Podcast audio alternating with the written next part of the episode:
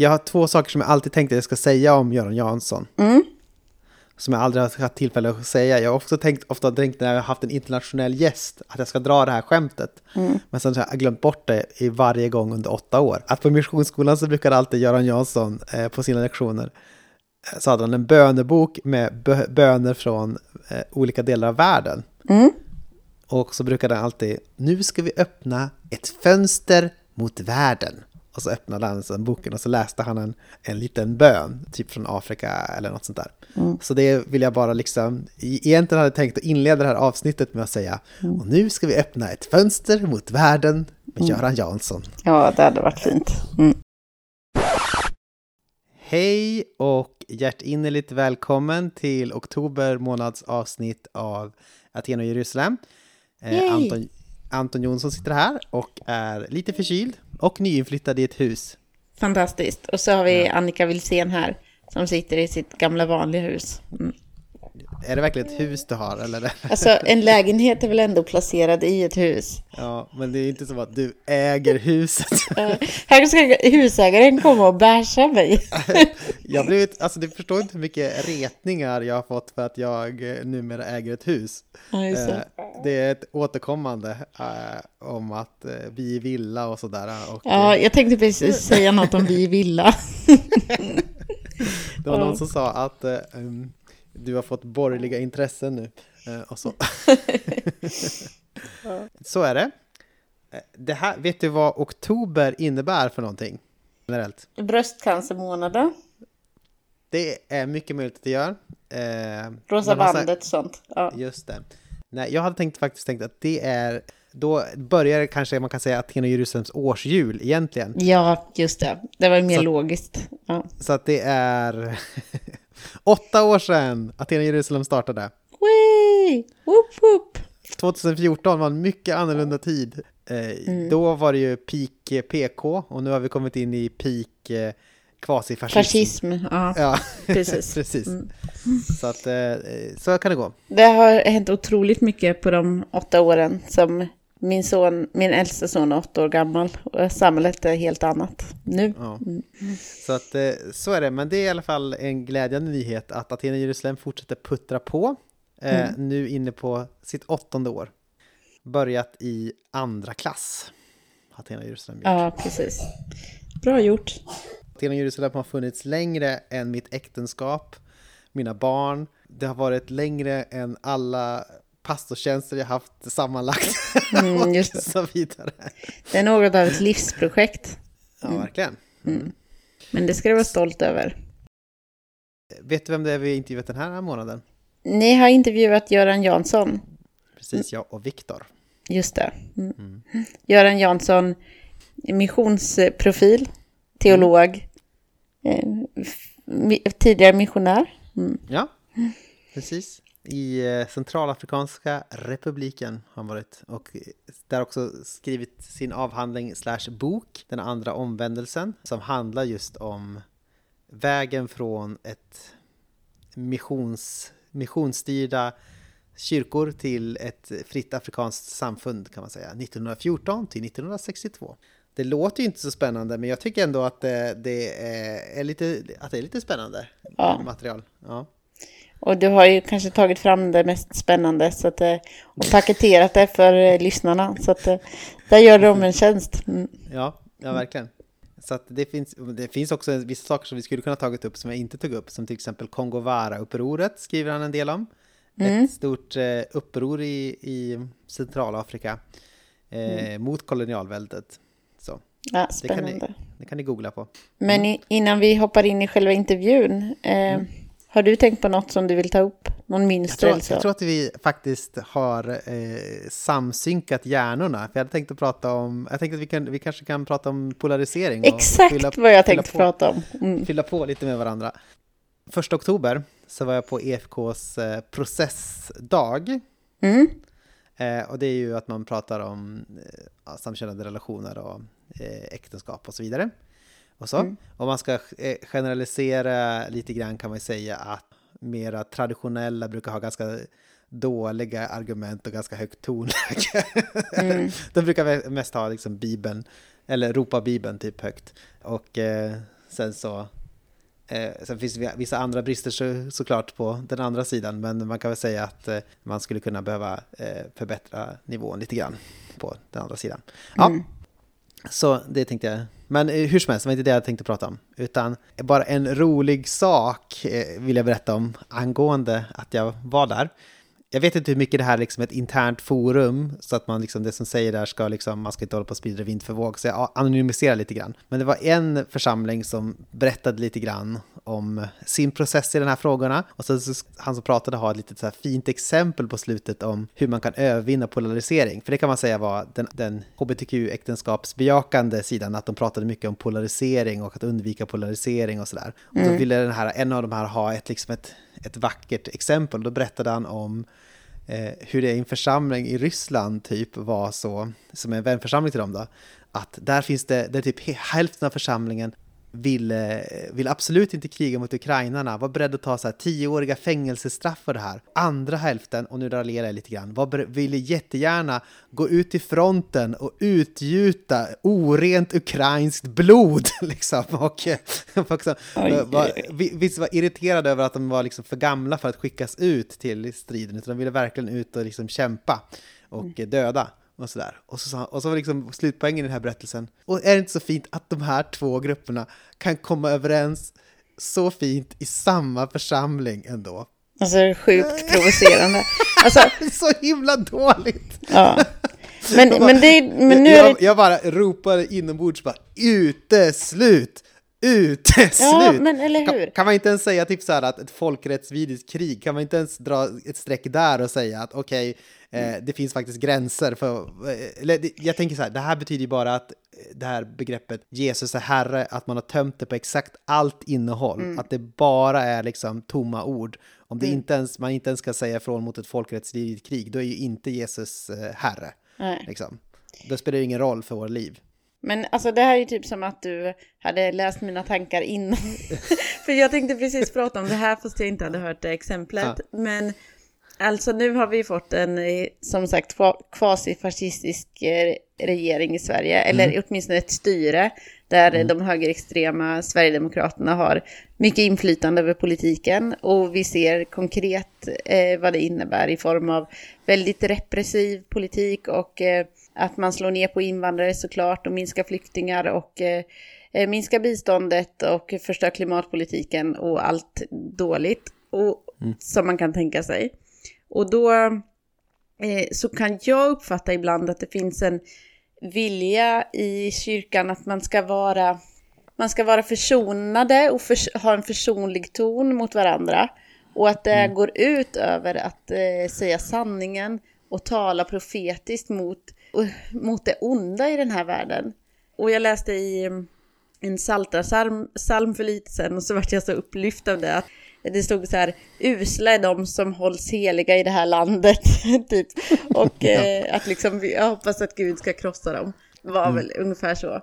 Men att liksom, vi måste som församling, eh, om vi ska vara trovärdiga, eh, Jesus som vår Herre, så måste vi också stå upp när motsatsen till Guds rike får mm. eh, och, eh, makt så måste vi våga tala profetiskt emot det. Även om det innebär att det blir obekväm stämning ibland i församlingen. Men du hade ett bra, ännu bättre exempel. Nej men det är jätte... Det är jättekonstigt att den liksom tanken har fått så starkt genomslag det här med att det värsta som finns i världen det är att ägna sig åt polarisering. Liksom, så här. Har ni överhuvudtaget läst evangelierna? alltså det är ju... Uh, här, ett tecken som väcker strid, står det om Jesus Kristus. Jag har och så ger sig om sig själv.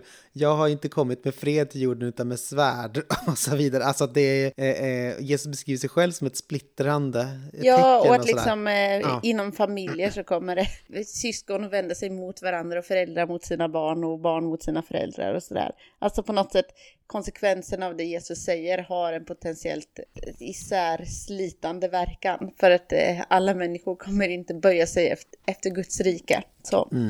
Eh, sen är det klart man ska liksom inte, det är, det är inget självändamål med splittring. Nej. Men nej, nej. Eh, den typen av, eh, vad säger man, låtsas eh, fred som bara handlar om att på något sätt försöka acceptera olikheter. Det är inte sann fred, för sann fred kräver sanning också. Mm.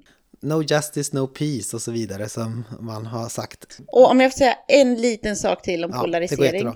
Mm. Sista lilla grejen. Jo, men det är också det att man, det låter då som att problemet är ytterligheter. Att man mm. har två oförenliga sidor som drar isär.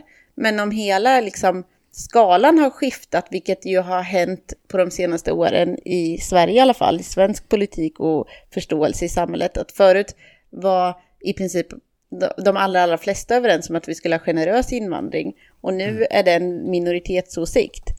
Så betyder helt plötsligt att man om man har kvar samma åsikt som man hade, eh, som man alltid har haft, att vi ska välkomna invandrare och flyktingar, ja då är, har man, är man en del av problemet med polariseringen. För att ja, man visst. står på den polen liksom. Mm. Ja, precis. Att man ska hålla på och ha massor med extrema åsikter och sådär. Mm. Nej, men, och, det är någon så här, jag undrar om det är en sån här civilsamhällesdrog, att när det letas in i, samhälle, eller i kyrkan, liksom så här, att, det är vikt, att vi är en del i civilsamhället som ska, liksom få, som ska få det här samhällsmaskineriet att flyta på lagom bra. Mm. Och då är det farligt med polarisering. Men det är inte det som är vårt uppdrag framför allt, att vara någon sorts ja, civilsamhälles mm. smörjmedel. Om saltet mister sin sälta, vem ska då få det salt igen? Precis, trampar under era fötter. Mm. Ja, men vad bra. Att det, tänk att man kan synka så bra. Mm. Hjärnornas ballett här. ja, fantastiskt. Ja. Men uh, har vi blivit redo för själva intervjun då? Mm. Det tycker jag. Nu kör vi.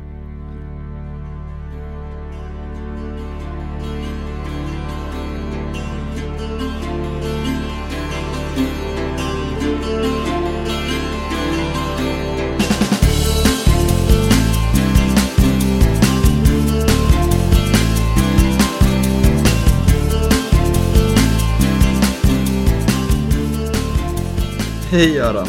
Hej! Um, hej, kul att du är med oss. Uh, för de av våra lyssnare som men kanske inte känner till dig så väl, hur, hur skulle du beskriva dig själv? Vem är du liksom? Oj. Jag är en eh, 77-åring som ser tillbaka på ett eh, eh, mycket intressant liv som har haft i, i stort sett två spår.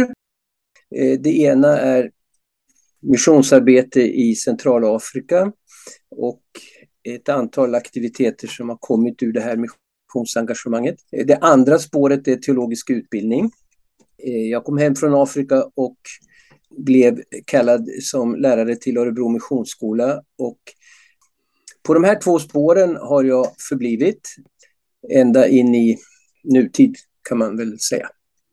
Kul. Um, och vi kommer komma tillbaka lite till, till Centralafrika sen. Men det, det kan ju sägas att, att det var, du var en av dem som verkligen förde fram och introducerade evangelikalismen i Sverige och på ÖMS då. Vad var det för dig som kändes befriande i det evangelikala i jämförelse med den sortens bibeltrohet som, som hade liksom rått eller regerat fram tills dess? Så. Ja, alltså det där har ju ett samband med ett generationsskifte som skedde under väldigt kort tid eh, mm. på Örebro Missionsskola eh, kring 1970 och några år framåt. Och eh, då kom det på kort tid alltså in eh, ett, ett gäng som var mellan 25 och 30 år ungefär. Och eh, vi hade lite andra infallsvinklar, perspektiv och vi vi, vi tyckte att det saknades någonting som vi, vi liksom sökte ett uttryck för. Jag har i, något, i några sammanhang genom åren sagt att jag, jag uppfattade som att eh, det fanns två stolar i, i teologin på något sätt. Eh, den ena var förkunnelsestolen, eh, det vill säga den teologi som kom ur eh, pastorers förkunnande. Mm. Eh, och eh, ja, ur den förberedelse förkunnelsen som de hade gjort. Eh, och det här hade en bakgrund i en ja, en teologi som, som, eh, och en utbildning som var god i sin tid men, men som eh, utmanades av det nya samhället, det nya, den, den nya utbildningsexplosionen som kom, människors eh, nya frågeställningar och så vidare. Så om man nu sökte en annan form av teologi så brukade jag kalla det alternativ som många ställdes inför på, låt oss säga, 1950 och 60-talen, fakultetsteologin, det vill säga den teologi som, som eh, var innehållet i den teologiska utbildningen vid eh, svenska universitet, framförallt Uppsala och Lund då. Mm.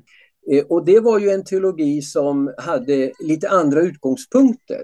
Mm. Eh, och då, då var min och vår känsla att vi skulle vilja, vi skulle vilja hitta en, en teologisk position som å ena sidan hade samma grundläggande hållning till Bibeln som den, den här förkunnelseteologin. Bibeln som Guds ord, en, en djup respekt för, för Bibelns eh, roll som, som Guds tilltal till oss människor. Och å andra sidan en teologi som var öppen för tolkningsproblematiken, för möjligheten till olika tolkningar eh, och diskussion kring olika frågeställningar som kan komma upp. Alltså en öppenhet för tolkning och reflektion och diskussion som vi uppfattade fanns i fakultetsteologin.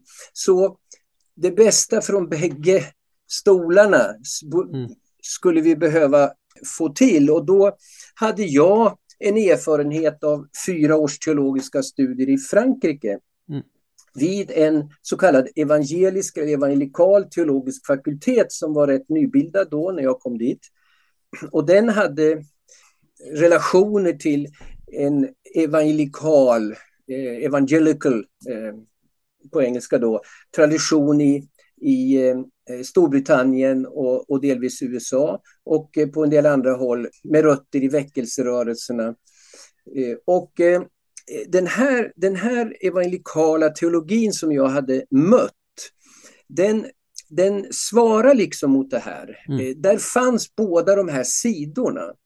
När vi började diskutera hur vi skulle utveckla skolan och den teologiska utbildningen där så så, så formade vi successivt någonting som, som svarade mot de här två behoven. En, en grundläggande hållning av djup respekt för Bibeln som Guds ord och en öppenhet för diskussion kring olika tolkningar och möjliga tolkningar och eh, eh reflektion, djupare reflektion kring teologiska frågeställningar.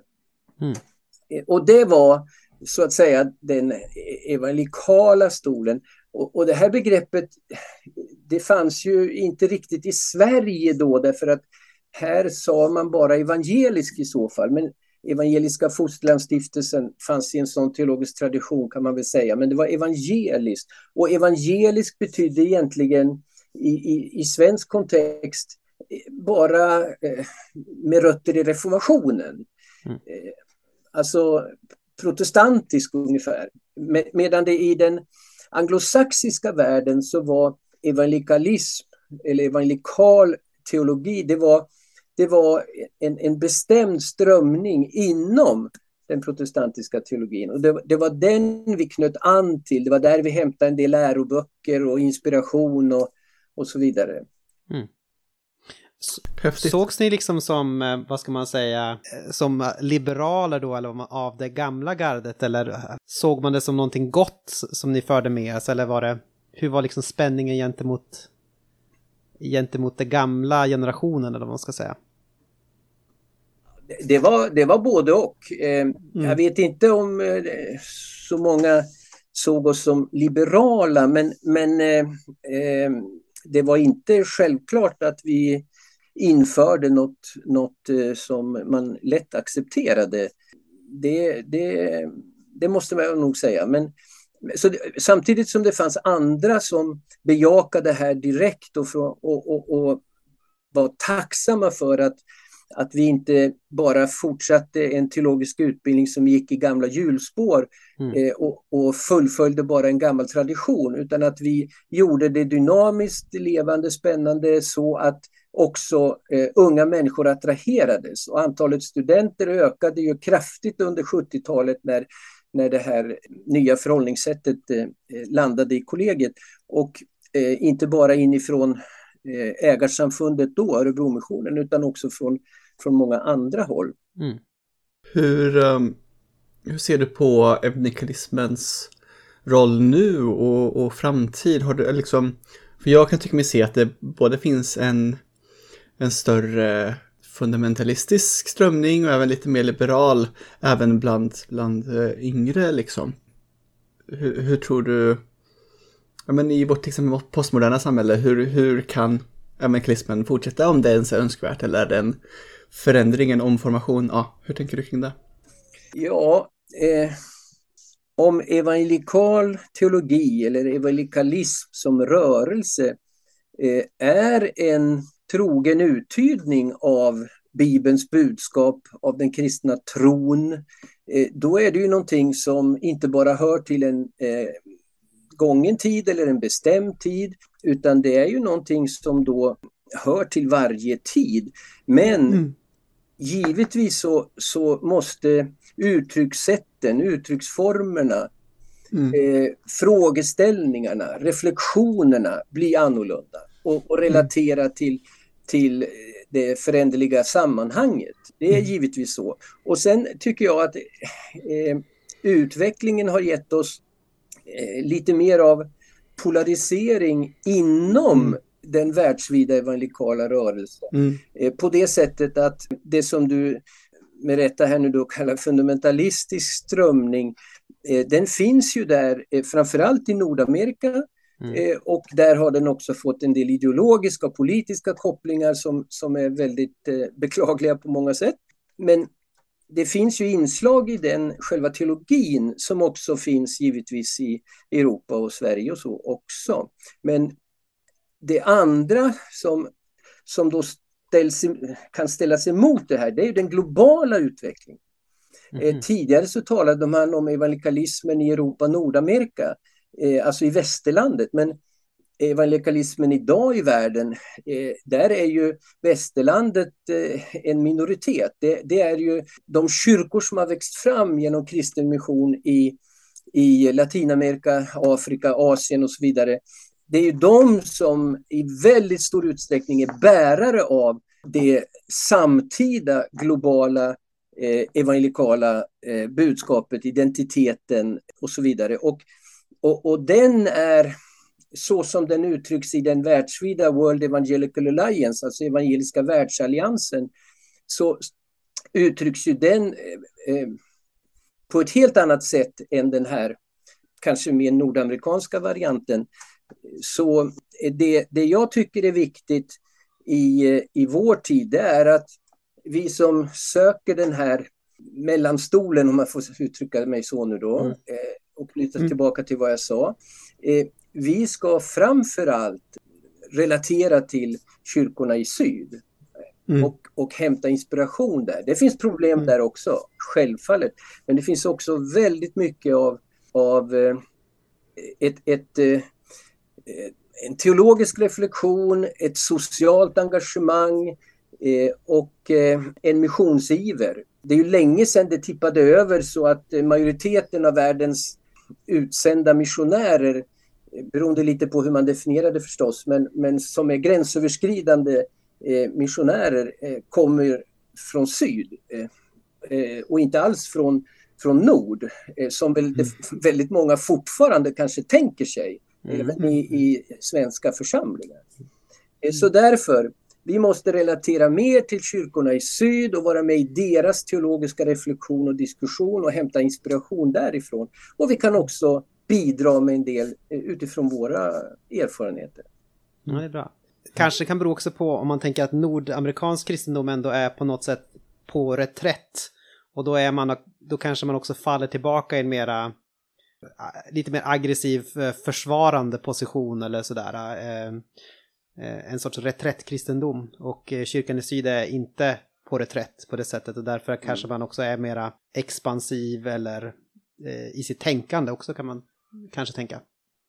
Kan vara så, kan vara så. Och, och till det skulle jag bara vilja tillägga för det första att den nordamerikanska eller europeiska eh, evangelikalismen är inte enhetlig. Mm. Alltså även i Nordamerika finns det ju starka inslag av det som är mera den globala evangelikalismen mm. också. Det är bara det att mm.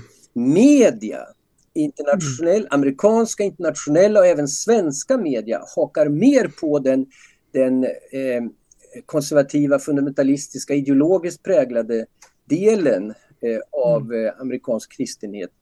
Så det, det, måste man ju säga där. Och på motsvarande sätt i det globala syd finns ju också en del kristna rörelser som är problematiska på olika sätt. Därför att man kanske anknyter till, till olika former av, av eh, antingen eh, lokal kulturell kult, kontext som blir tveksam, kan bli tveksam, eller till strömningar från eh, väst till exempel av eh, typ eh, framgångsteologi eller, eller en, en extrem karismatisk kristendom.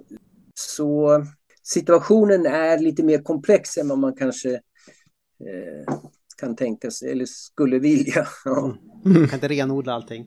Ja, ja ska komma in på din bok, eh, eller din avhandling, var det från början, Den andra omvändelsen. Och den handlar om eh, Örebromissionen, Örebromissionens arbete i Centralafrika från 1914 till 1962. Och mer specifikt så handlar det om resan från svensk mission till ett afrikanskt samfund men först så måste vi ju konstatera en sak och det är att eh, du och Irma tror jag har eh, fått en medalj från eh, Centralafrikanska republikens president. Nu skakar du lite, nu gör du lite sån här eh, avvärjande rörelse med huvudet, men kan du inte berätta lite grann om den medaljen? Det kan vara lite kul för lyssnarna att veta att du har fått det. Ja, eh, bakgrunden till det är ju att presidenten i Centralafrikanska republiken, liksom alla statsöverhuvuden, så även kungen i Sverige, har ju en arsenal av, av eh, medaljer som, som delas ut till, till eh, människor i olika verksamhetsområden i samhället och, och så. Och eh, då, då visar det sig att vår, alltså Örebromissionens förut Evangeliska Frikyrkans nu partnerkyrka i Centralafrikanska republiken ville uppmärksamma, eh, att, att landets ledning uppmärksammade mission och kyrka eh, och deras samverkan eh, genom lång tid för folkets eh, bästa på många sätt, både andligt och, och socialt och materiellt. Så då nominerade kyrkan oss två till landets president och i den nomineringen så uttryckte man att eh, eh, vi hade ett väldigt långt eh, engagemang. I mitt eget fall då från 1970 till nutid och, och Irmas fall eh, strax efter 1980 till nutid. Och eh, därför kunde vi representera den här långa historien mm. eh, genom ett långt engagemang. Också genom att vi båda, men på lite olika plan, var involverade i ledarutbildning till exempel och var alltså med och bygga den eh, framväxande kyrkan. Och ja, till bilden hör kanske att, att eh, det här inte var något som presidenten ifrågasatte på något sätt. Han är alltså själv kristen. Mm. Och eh, jag har träffat honom vid ett tillfälle i alla fall. Och, och så. Men så vi tolkar i alla fall det här, inte i första hand som något personligt för oss två, utan vi representerar en historia som landets ledning ville, ville uppmärksamma och eh, bejaka. Men ni är ändå på något sätt representanterna för den historien kan man säga? Eller? Ja. ja bärare mm. av historien. Mm. Ja, men vad kul! Grattis får vi väl säga till dig och till eh, alla föregångare som det här priset representerar, eller så, den här, mm. den här medaljen representerar. Eh, jag ska säga, ett centralt eh, tema i din avhandling som jag snappar upp, det är frågan om civilisation. Och Örebromissionen de kom från ett sammanhang där man menade att missionens mål är inte att sprida civilisation. Vissa andra missioner hade mer ett nära, ett, ett tänkande på att uppgiften är att sprida på någon sorts västerländsk civilisation. Eh, men, man, men i Örebromissionen tänkte man från början att eh, civilisation, det kan inte rädda, utan det som kan eh, rädda eller frälsa människor, det är liksom tron på Kristus. Så det är det som är målet med missionen, att omvända människor till tro på Kristus. Man, det fanns också en viss kritik mot europe, europeisk hedna civilisation, tror jag någon tidig missionär kallade det. Alltså att det fanns en sorts exploaterande i den, i, av människor i den europeiska kulturen när det kom till Afrika. Men samtidigt så blev man också ganska tidigt indragna i i liksom den, den franska kolonialväldets officiella ideologi som handlar om att lyfta afrikaner mot civilisation i små, små steg. Så jag funderar på den här, vilken sorts spänning mellan de här två polerna eh, märker du av i missionen? Det här ena sidan, civilisation är ingenting som kan rädda, och andra sidan att man är delaktig i det här eh, civiliseringsprojektet eller vad man ska kalla det. Och vad tänker du själv är att föredra? Ska kristna komma med, med civilisation eller ska de inte göra det? Ja, eh, givetvis så beror det ju på vad man menar med civilisation då. Men låt mig anknyta till, till det du frågar på det här sättet. Först så det, blev det ju väldigt tydligt för mig i den här forskningen att kristen mission eh, inte var entydigt. Mm. Det fanns många Eh, facetter i det här. Och en aspekt, eh, det var att det fanns stora missionssällskap från eh, sådana länder som var kolonialmakter. Och en del av de här, kanske typ statskyrkliga missionerna, de, de var ju väldigt involverade i sin egen nation och sin egen nations Eh, program så att säga. Va? Mm. Och eh, det innebar att, att eh, jag kunde konstatera, belägga, beskriva hur till exempel fransk katolsk mission i centrala Afrika var väldigt förknippad med det franska civilisationsprogrammet så att säga. Och eh, då uppfattade franska myndigheter eh, på plats att de protestantiska missionerna varav flera i centrala Afrika var, var, svenska om vi räknar in Kongorepublikerna och så också, eller Kongo, ja, de båda Kongo. Att de hade en annan hållning. Den katolska missionen, där, där tog kyrkan en ställning och så skulle alla in, eh, ordna sig under kyrkans eh, lära, kyrkans ordning, kyrkans hållning. Medan protestanterna betonade individen, mm. individens rätt att läsa Bibeln, att tolka Bibeln, att förkunna det kristna budskapet. Eh, och individernas rätt, det blev ju också en, en motpol mot underordnandet som var mera normalt i, i, i, i den koloniala kontexten. Eh, därför att här var det ett bemyndigande eh, av människor genom att, att eh, man i både undervisning och kyrkoväxt och, och så vidare betonade vikten av nationellt ledarskap, vikten av att man själv läste och tolkade och förkunnade Bibeln. Eh, och man behövde inte vara en blåkopia av missionärerna och deras förkunnelse.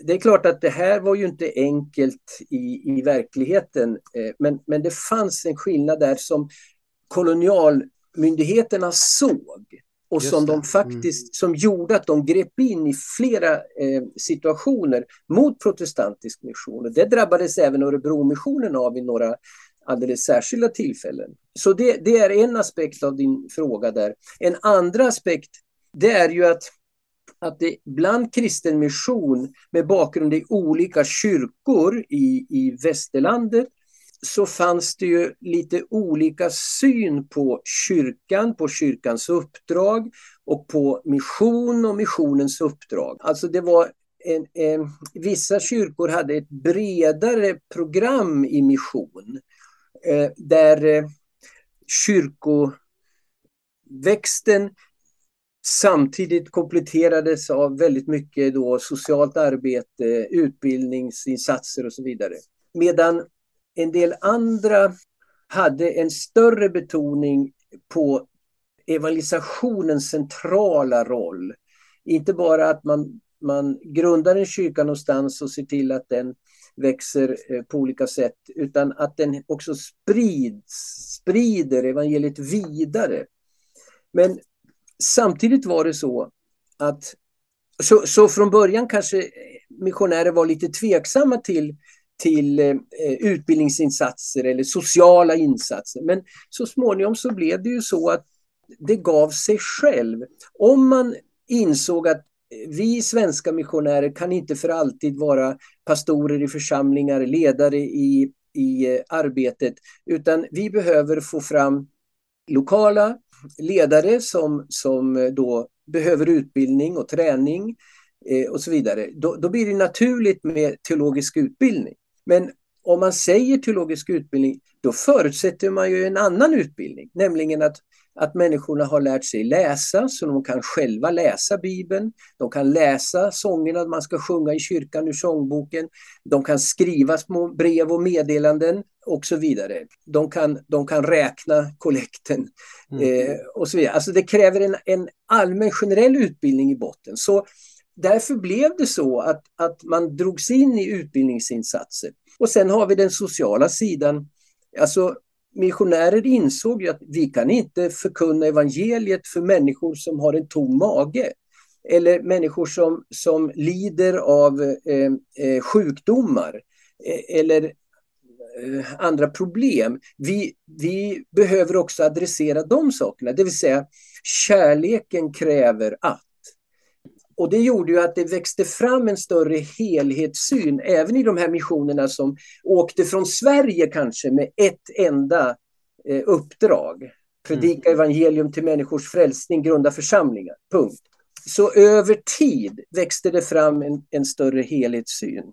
Om man får knyta an till en av sakerna som du sa här så du sa att de franska kolonialmyndigheterna de noterade liksom den här äh, skillnaden mellan katolsk och äh, protestantisk mission. Alltså, man kan väl säga så att man var, man var, man var måna om att den svenska missionen skulle bidra till civiliseringsprojektet.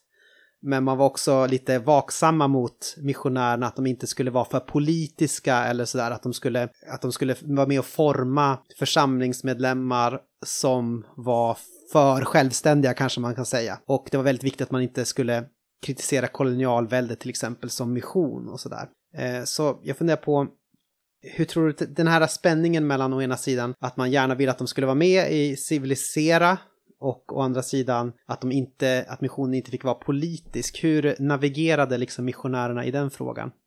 Ja, alltså missionärerna navigerade ju ungefär som jag nyss beskrev så att utifrån en egen missionsmotivering så blev man engagerad i en del av det som från ett annat håll kunde beskrivas som civilisationsprojekt, mm. nämligen utbildning. Mm. Man insåg att, att ur, ur, vårt eget perspektiv behöver människor kunna läsa och skriva mm. eh, och, och, räkna och utvecklas och gå in i ledarskap.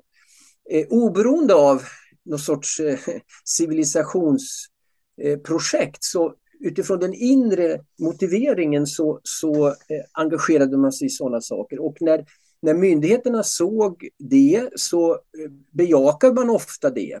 Även om man, eh, som jag märkte i, i olika sammanhang, insåg att, att det fanns inslag i det som de kanske inte gillade så mycket. Men, men de hade inga resurser för någon större, bredare utbildningsinsats med, med, med täckning för hela området utan de bejakade och välkomnade då missionernas arbete i utbildning. Detsamma gällde ju det här som, som eh, började med att, att kärleken helt enkelt krävde att man utöver förkunnelsen också hjälpte människor i deras eh, behov. Det växte ju fram sjuk och hälsovård ur det. Det växte fram yrkesutbildning i det och så vidare. Och eh, det här var ju också någonting som då från ett annat perspektiv eh, skulle kunna kallas civilisationsprojekt. Men, men här var det ju en inre motivering utifrån den kristna identiteten och missionens eh, eh innebörd. Eh, därför så fanns det en spänning, men eh, det fanns också ett, ett bejakande eh, som ja, dock i vissa sammanhang när enskilda missionärer blev för frispråkiga i, i hur man tänkte kring, kring kolonialmyndigheternas han, hanterande av människor och så vidare, då, då blev det ju konflikt. Svenska Örebromissionen där var ju hotad att få lämna landet i stort men, men delvis också då att, att man inte skulle kunna få visum för nya missionärer och så vidare. Det fanns hela tiden sådana där uttryck för en, en, en spänning i, den här, i det här sammanhanget. Då, eh, skulle du säga att man då valde liksom också att, eh, att eh, tona ner kritiken för att liksom få behålla missionen också till viss del? Eh, det var så vid några tillfällen under några år, framförallt i början av 1950-talet. Men eh, rätt snart så trädde det fram missionärer som, som eh, frimodigt markerade på ett annat sätt eh, utifrån eh, det kristna, den kristna människosynen och, och kristna evangeliet och så. Mm. Eh, och eh, allt eftersom avkoloniseringen började vi säga, framträda eh, och eh, franska myndigheterna fick, eh, fick eh, annat för eh, att ägna sig åt än, än att kontrollera missionärer. Mm. Eh, så, så kunde man ju vara tydligare och frimodigare. Men, men det fanns tider när man avvaktade, man valde att ligga lite lågt för att inte provocera en, en, ett utvisningsbeslut till exempel. Mm. När, du pratade, nämnde ju det här med avkolonialisering, att det uppkom en afrikansk nationalism som så småningom ledde till att en sorts avkolonialisering var oundviklig. Och ibland så, när jag läser din, när jag läser din bok där, så får jag intrycket av att övergången från att man är eller övergången till ett så icke-missionärt styrt afrikanskt samfund, det skedde ju väldigt långsamt under många årtionden och så. Och att ibland får man nästan intrycket av att den här övergången var mer till följd av eh, yttre omständigheter, just att, det, att den här avkolonialiseringen sågs liksom som oundviklig och att då kan man inte ha ett missionärstyrt samfund. Mer, mer det än att det var en medveten strategi ibland. Eh, delar du det intrycket liksom, när du läser källorna?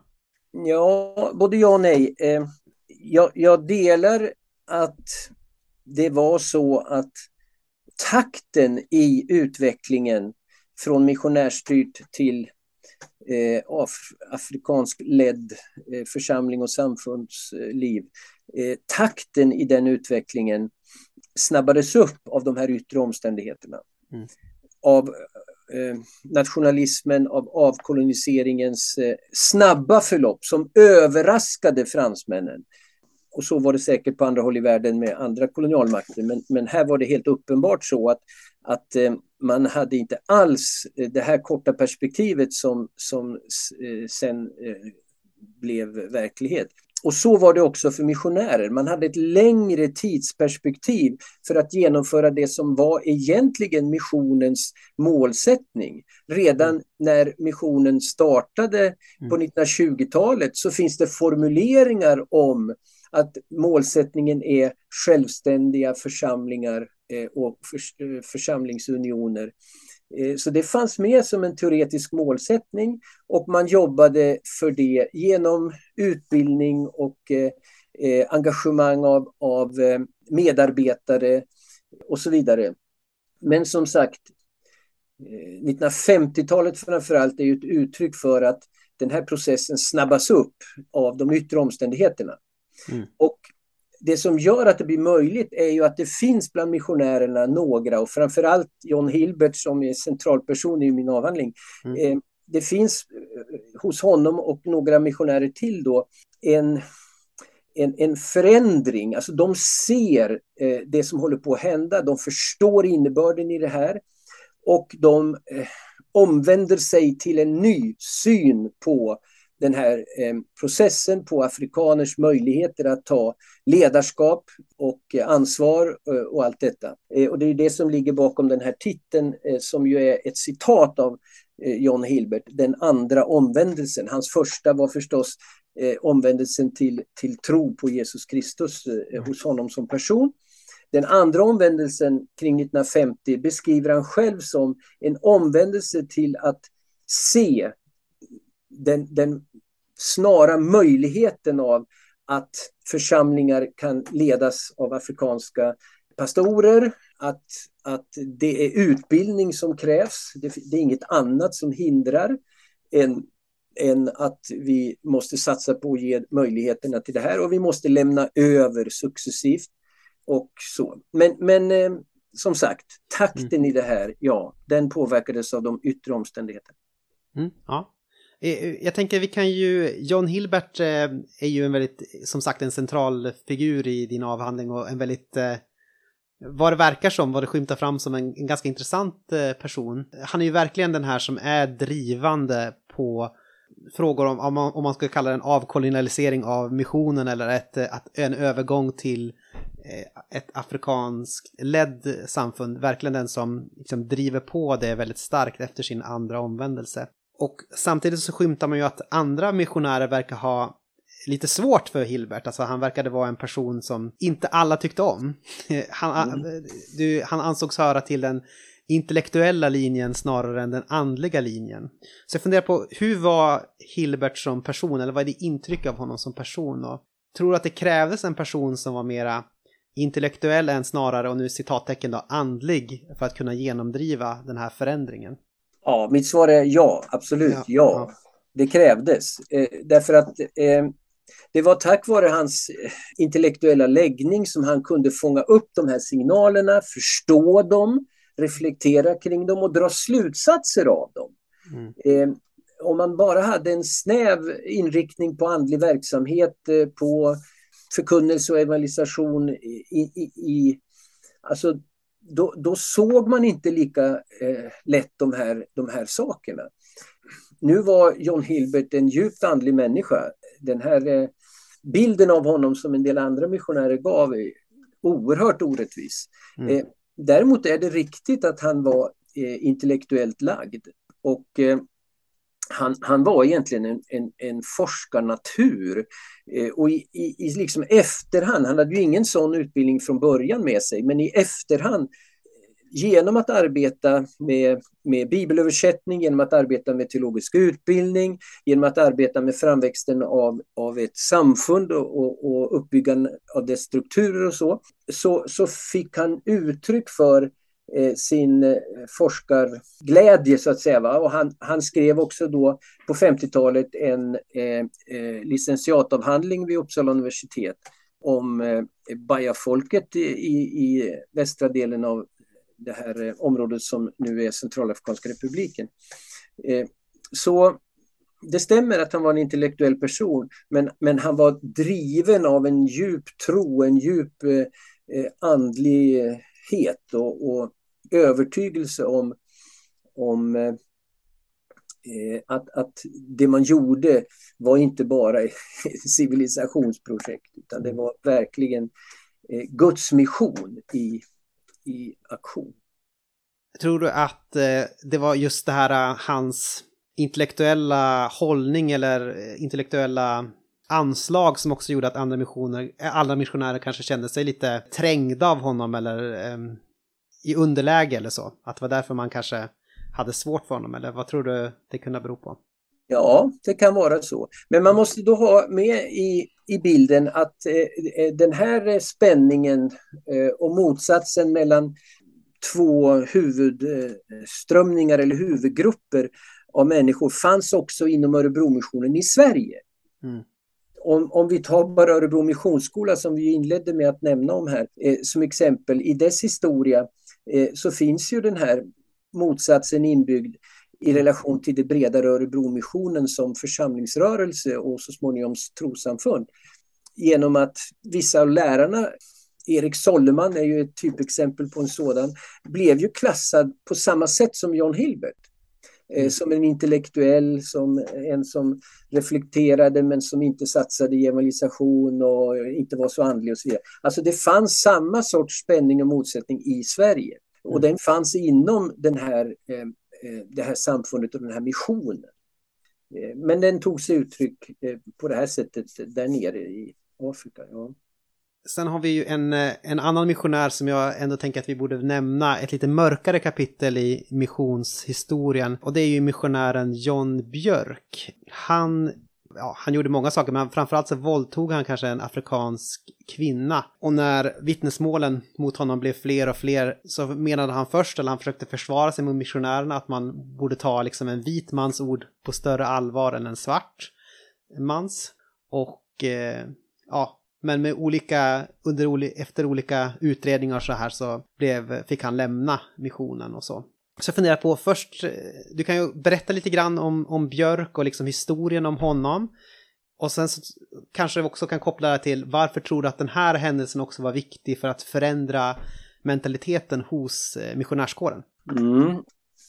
Ja, alltså Jan Björk eh, hade ju tillsammans med sin hustru varit eh, ett antal år i verksamhet och eh, placerades 1930 9 i Wesso i norra delen av det som nu är republiken Kongo eller Kongo-Brazzaville.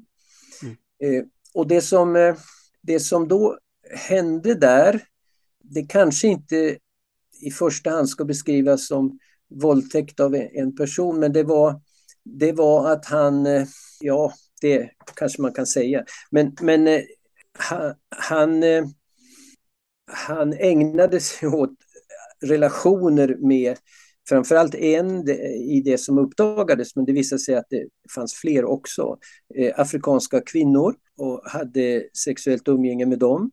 Och framförallt med en evangelisthustru och det var det här som, som gjorde att evangelisten anklagade honom. Och det var ju då eh, han, han eh, försvarade sig genom att helt enkelt ljuga och inta en eh, så att säga, kolonial hållning mm. i det här.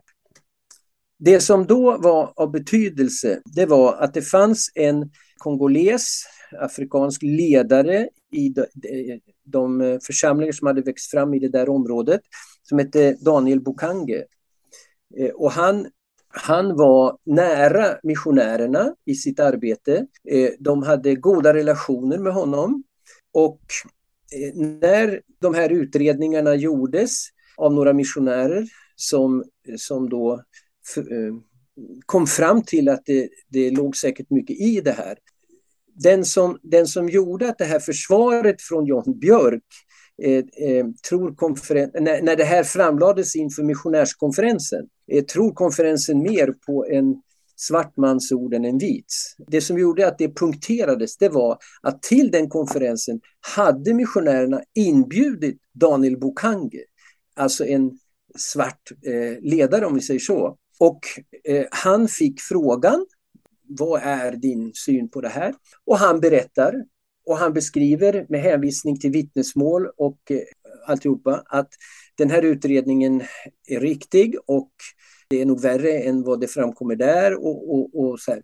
och han, det förtroende han hade hos missionärer gjorde ju att konferensen trodde mer på en svart persons ord än en vits i det här konkreta fallet. Mer på Bukange som representerade kongoleserna här då, eh, än på Björk som var mm. vit och missionär. Och, och det, där, det där fick psykologisk betydelse. För att då hade man brutit en sorts allmän, allmänt accepterad tanke om vitas eller, eller, eller europeers eller missionärers överhöghet eh, eller oberörbarhet i, i såna här saker. Och det som då missionärernas ledare vid den tiden framhöll, det var vi får inte ha den typen av argument, utan. Mm. Det handlar om hur följer man den kristna tron och kristen etik. Eh, och eh, om man inte gör det, det blir väldigt uppenbart att det dessutom skadar andra människor. Ja, då, då, då måste vi agera. och det gjorde man. Han blev ju avsatt om man säger så. Fanns det ingen möjlighet att han kunde bli dömd för någonting eller liksom utlämnas till den världsliga rättvisan eller vad man ska säga?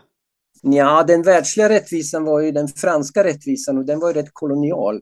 Ja. Eh, att utlämna honom till någon sorts by, byhövdingsdomstol, eh, eh det, det, det, hade inte lett någonstans i, konkret. Nej.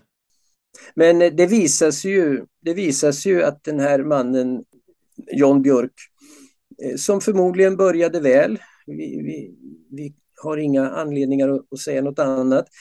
Någonting hände i hans utveckling som gjorde att det gick eh, eh utför. Och också när, när han eh, återvände till Sverige så, så vet vi ju att eh, det gick inte väl. Han blev, det slutade ju med att han blev dömd för ett mord i Göteborg. Mm. Så, så kan det också se ut i marginalen till missionsverksamheten. Hamnade på rättspsykiatrisk anstalt ja. i lång tid. Ja. Just det. Ja. Men, ja, det var intressant för att du sa att, eh, du sa att de hade en, att de hade, att de trodde att det var för att han hade fått malaria som han blev konstig liksom i huvudet eller något sånt där. John Björk. Tror du att det ligger någonting i det eller är det? Nej, eh, det, det, det, är ett uttryck för att man ännu inte riktigt eh, kände till tropiska sjukdomar och inklusive malaria i, i Sverige och i rättsväsendet och, och, och så här.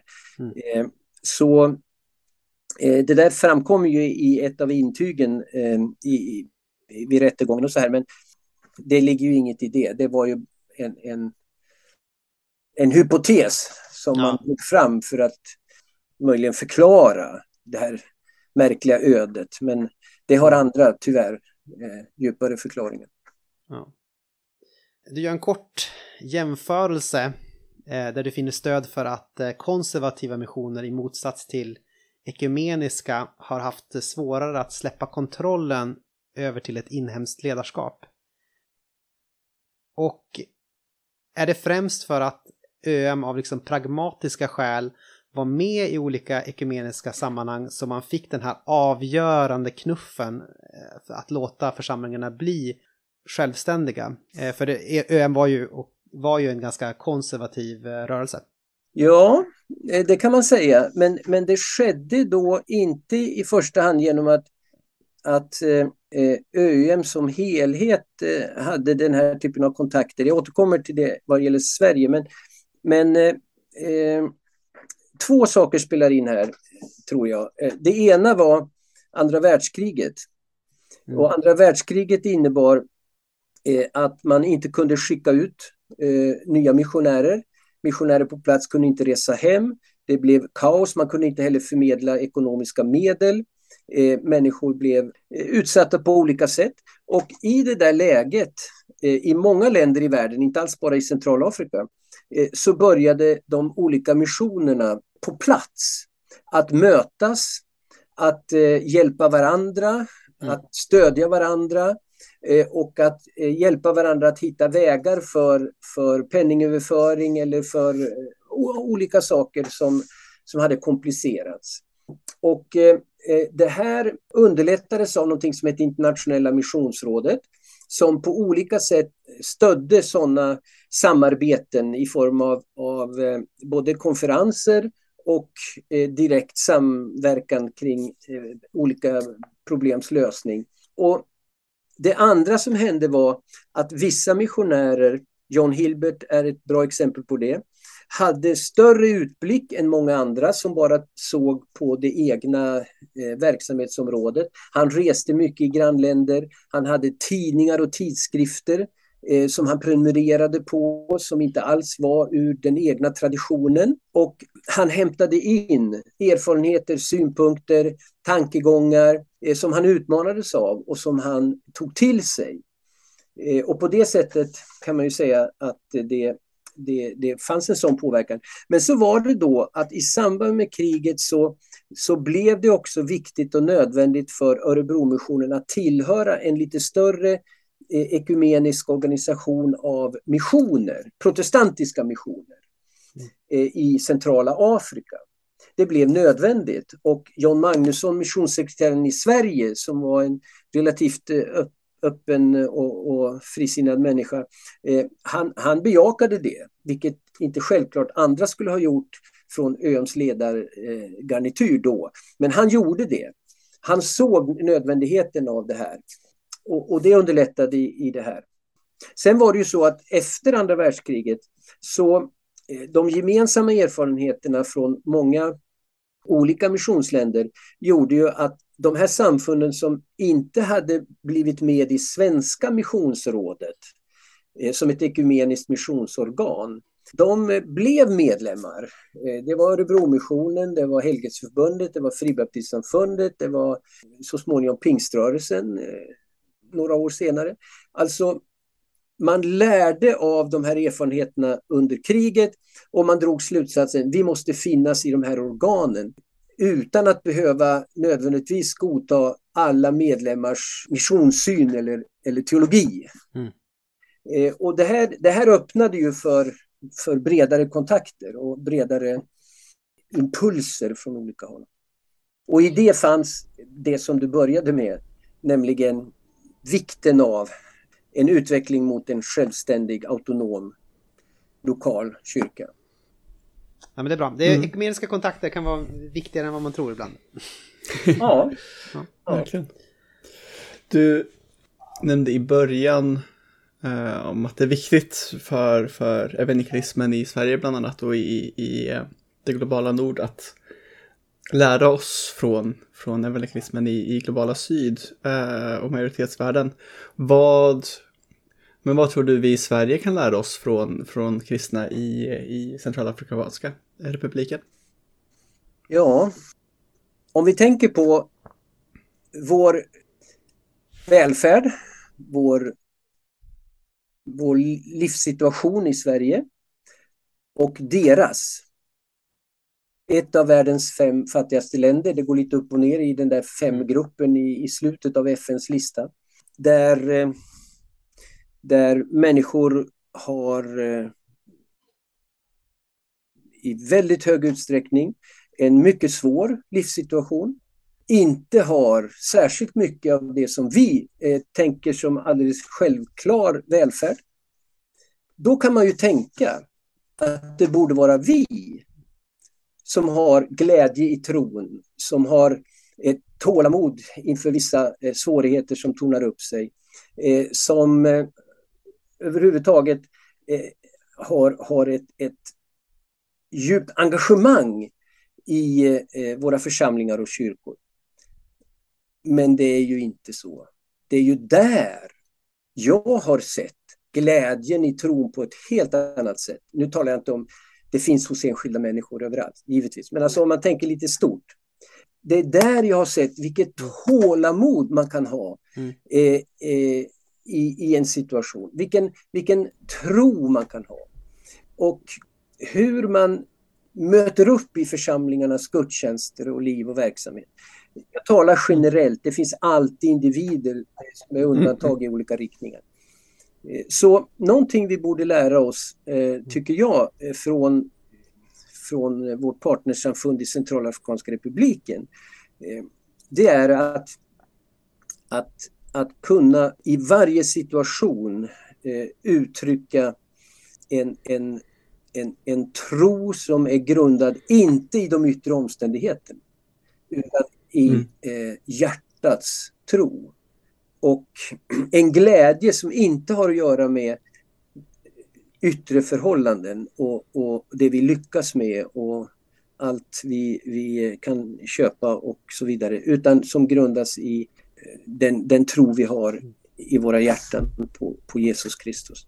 Eh, och vår, vår tro på, alltså vi ska säga så här, jag tycker mig märka en tendens i Sverige till att vi inte accepterar att, att det går snett, att det händer någonting, eh, en olycka, en sjukdom, en förlust. På något sätt börjar vi anklaga Gud i det sammanhanget. Alltså, mm. vi, vi, accepterar inte det. Därför att vi ska mm. vara eh, friska, vi ska vara rika, vi ska vara lyckade, vi ska vara allt det här. Det, på, på något sätt är det väldigt många hos oss som tar det för självklart och tror att, att, att tron är en väg dit. Men i Afrika har jag lärt mig att så är det inte. Man kan vara jätteglad för någonting som händer som är positivt. Mm. Ett helande eller en, en, en eh, lösning på ett problem eller någonting som, som eh, innebär att man får en gåva eh, plötsligt som man oväntat löser någonting av ens, ens dagliga brödproblem och så vidare. Man kan vara jätteglad över sådana här saker men man kräver mm. inte det av Gud. Mm. Man utgår inte från att det måste vara så, annars är det något fel på tro. Nej, mm. alltså där har jag lärt mig att, att mm. tron är någonting mycket djupare än, än, än det här. Som jag mm. skissade mm. nu lite grann. Mm. Eh, mm. och det, det är någonting som vi behöver lära från våra partner i syd. Det är ett exempel. Ja, men tack. Så det är intressant att man brukar ibland eh, anklaga eller ja, till viss, med, med viss rätta kanske också, att eh, afrikanska samfund brukar vara framgångsteologiska. Men här också så vänder du på det lite grann att det är vi som är kanske framgångsteologiska som har det som en grundhållning eh, egentligen. Eh, ja. Så ja, det är intressant att, att, att, se det liksom på något sätt. Det finns, det finns kyrkor i Afrika som är väldigt framgångsteologiska på ett, ett osunt sätt. De har ofta sin, sin ursprung i Nordamerika eller i Nigeria som är en, en en källa hubb. till mycket av detta. en hubb, ja för sånt. Eh, så, så, så är det, det finns sådana. Men, och det är de ofta som eh, västerländska, även svenska media fångar upp. Det. De är rika, de är ute på sociala medier, de har tv, de har allt det de, klar, de får ett genomslag mot oss. Men de mm. andra, majoriteten av kristna och av kyrkor, Eh, har, har snarare den här andra karaktäristiken som jag, som jag beskrev. Men de har inte möjligheten att få genomslag eh, till oss via, via medier och sociala medier och, och så vidare. Och därför så mm. känner vi ofta inte till det eller, eller tar inte till oss det. Mm. Och mycket av det som kommer från de här andra sammanhangen, eh, det mm. är ju inte sant. Det, mm. det, är ju ledare som blåser upp sig själva, som eh, eh, ger en sorts bild för att få så mycket bidrag som möjligt.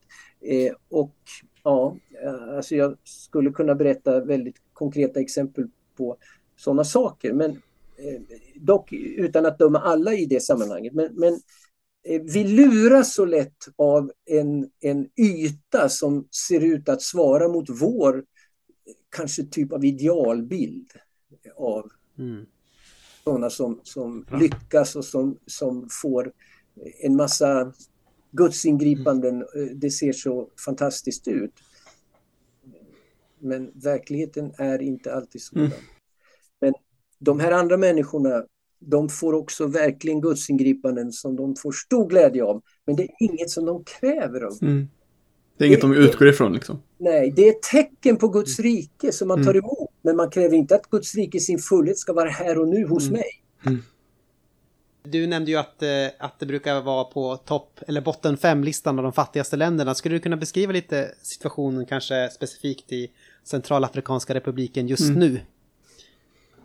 Ja, förutom den, den allmänna situationen eh, som har att göra med historien så är det ju också så att, att eh, det har eh, varit en konflikt och krigssituation under ett antal år eh, på 2010-talet som har förvärrat situationen.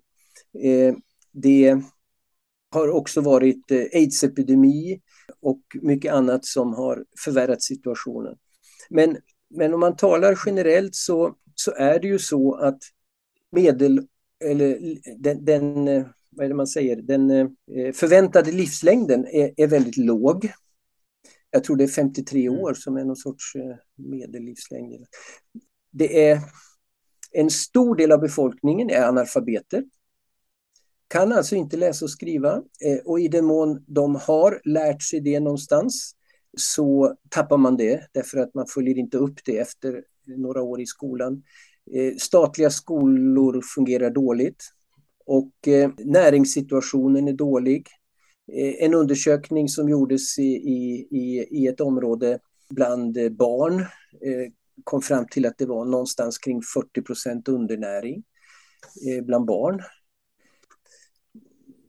Hälsosituationen är, är, är dålig, den ekonomiska situationen är, är dålig. Och, och till det här kommer förstås frestelserna hos de få som eh, kanske har en god utbildning och därför får goda situationer i, i eh, ämbetsverk och i politik och så vidare.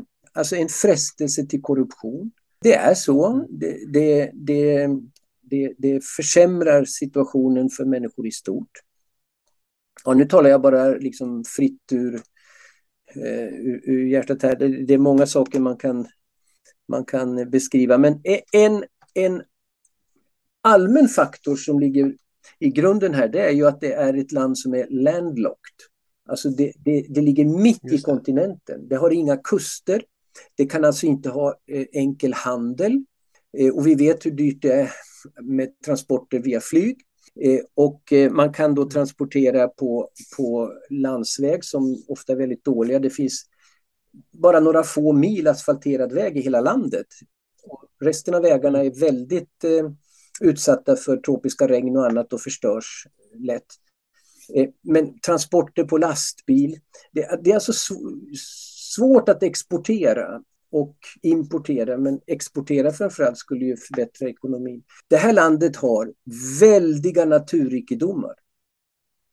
Och det mm. är inte ännu i alla fall en välsignelse för landet utan en förbannelse.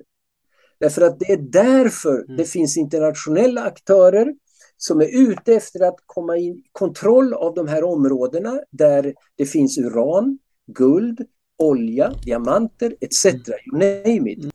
Och det, de krigar ibland genom ombud, så var det ju under den där perioden. Många här tänker, och vi förstärkt av media, att ja, afrikaner de krigar mot varandra lite jämt och överallt ungefär. Men i själva verket så, så är det alltså västerländska eller asiatiska aktörer mm. som via ombud eh, försöker ta kontroll över områden där det finns naturrikedomar och försöker få eh, kontrakt med regimen och så vidare. Alltså det, det, det, är så mycket, jag skulle kunna prata en timme bara rakt mm. av här nu mm. omkring det här. Men jag bara gav några exempel mm. på svårigheterna i, i ett land som, som är så eh, fattigt. Ante, jag vet vad du tycker om det här, men jag bara fick till mig undra, ska vi lyfta fram något sätt som man kan typ hjälpa till på? I... Ja, det är väl jättebra. Men EFK gör ju en hel del arbete i Centralafrikanska republiken. Är det någonting du vill lyfta fram av det arbetet kanske? Ja, du, det är det jag tänkte. Ja, alltså, eh, jag, jag, skulle vilja förändra lite vårt språkbruk, eh, mm. Anton, även ditt där nu. Mm. Alltså, EFK gör en massa Just saker det. i Centralafrika. Det är vår partner, det är baptistsamfundet i Centralafrikanska republiken som gör en massa saker. Och vi får vara med och stötta och stödja på vissa, eh, vissa eh, delar mm. av det här. Det är viktigt att vi gör utifrån vad det här samfundet ber om. Det är inte vår agenda från något skrivbord i Sverige utan det är vad de ber om och vad de vill ha hjälp med som vi ska kunna eh, eh stötta. Så att, att de får lite bättre möjligheter att fullfölja sina eh, planer och, och så. Församlingsarbetet behöver vi inte stödja från Sverige, det, det klarar sig självt. Men det som är svårt, det är eh, just den teologiska utbildningen. Därför att det är svårt för fattiga församlingar att, att kanske bidra eh, så mycket att det inte bara får samfundskontoret att fungera utan också flera teologiska skolor och, och en del annan verksamhet av, av utbildningsslag. Det är någonting som man vill få stöd från oss i Sverige till. Mm. Eh, och det är väldigt bra om vi gör. Mm. Sen finns det vissa riktade insatser eh, som har med fattigdomsbekämpning och sjukvård och liknande att göra. Eh, där man också ber om, om vårt bidrag och eh, då, då finns det anledning att ställa upp och svara mot eh, det som mm. de ber om. Och det här finns specificerat på EFKs hemsida till exempel och så, vad det är lite mer i, i detalj. Men, men mitt budskap är att vi ska inte hitta på vad vi ska mm. bidra med. Utan vi ska lyssna in vad det är man behöver och vad man ber om vår hjälp med. Ja, det är bra. Det är också intressant när vi pratar om just det här med att gå över till afrikanskt samfund och så är det så lätt att, mm. liksom för mig då, att, att glida tillbaka i det som om det vore vårat arbete liksom. Eller så mm. Ja, det är intressant. Eller det är ju viktigt att man kräver ständig, en ständig omvändelse kanske man kan säga. Inte bara en andra omvändelse utan en ständig omvändelse. Absolut, det är bra. Mm. Um, vi har två frågor vi alltid ställer i, i slutet av varje poddavsnitt. Uh, och det första är, vem är Jesus? Jesus är Guds son, Guds utsände. Det är genom Jesus, hans liv, död och uppståndelse som uh, Guds försoning blir en verklighet för, för, för oss när vi tror på Jesus. Inte därför att han skulle vara en religionsstiftare inte därför att han skulle vara en särskilt god människa bara, utan därför att det är i honom vi möter Gud, Fadern. Mm. Tack. Eh, och vår andra fråga är, vem, vem mer tycker du vi ska intervjua i podden? Ja, eftersom vi har varit eh, eh inne mycket på kyrkans mission eh, och jag vet inte om Eh, ni kan tänka er att vidga eh, perspektivet utanför Evangeliska Frikyrkan. Det går bra. Eh, det går bra. Alltså bara en, en liten tanke då. Ni har, ni har relaterat till min, min avhandling, en tjock bok om, om svensk mission i Centralafrikanska republiken fram till det att det blev ett självständigt centralafrikanskt samfund 1962. Men eh, jag har varit med eh, i ett team som har jobbat fram en eh, stor bok om svensk mission som heter Svensk mission och kyrkorna som växt fram. Det är eh, en bok om all svensk mission över eh, mer än 200 år i, mm. över hela världen och över hela den ekumeniska bredden. Och eh, den här boken den, den visar i det här breda perspektivet vad eh, vi har tittat på i, i, ett, i ett visst litet eh, begränsat perspektiv. Och, eh, vi var fyra redaktörer för den här boken eh, men den som var i praktiken huvudredaktör var Claes Lundström från EFS eh, e nu pensionär men har varit eh, själv missionär i Tanzania men också då lärare i just missionsvetenskap på eh, Johannelunds teologiska institut. Alltså att uppmärksamma inte bara boken som är tänkt som eh, resurs och undervisningsmaterial och, och, och läsning för missionsintresserade utan också uppmärksamma den process som har lett fram till att vi kunde ge ut en bok som täcker hela historien, hela geografin och hela ekumeniken i svensk mission och kyrkorna som växt fram ur svensk mission.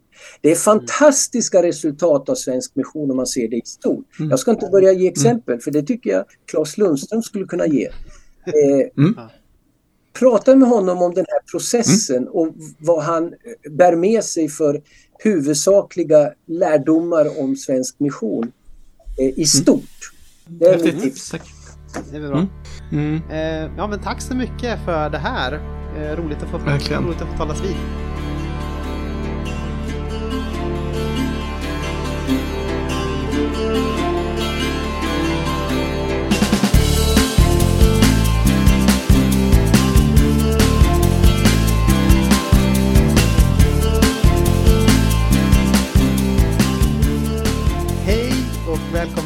Tillbaka till Eftersnack.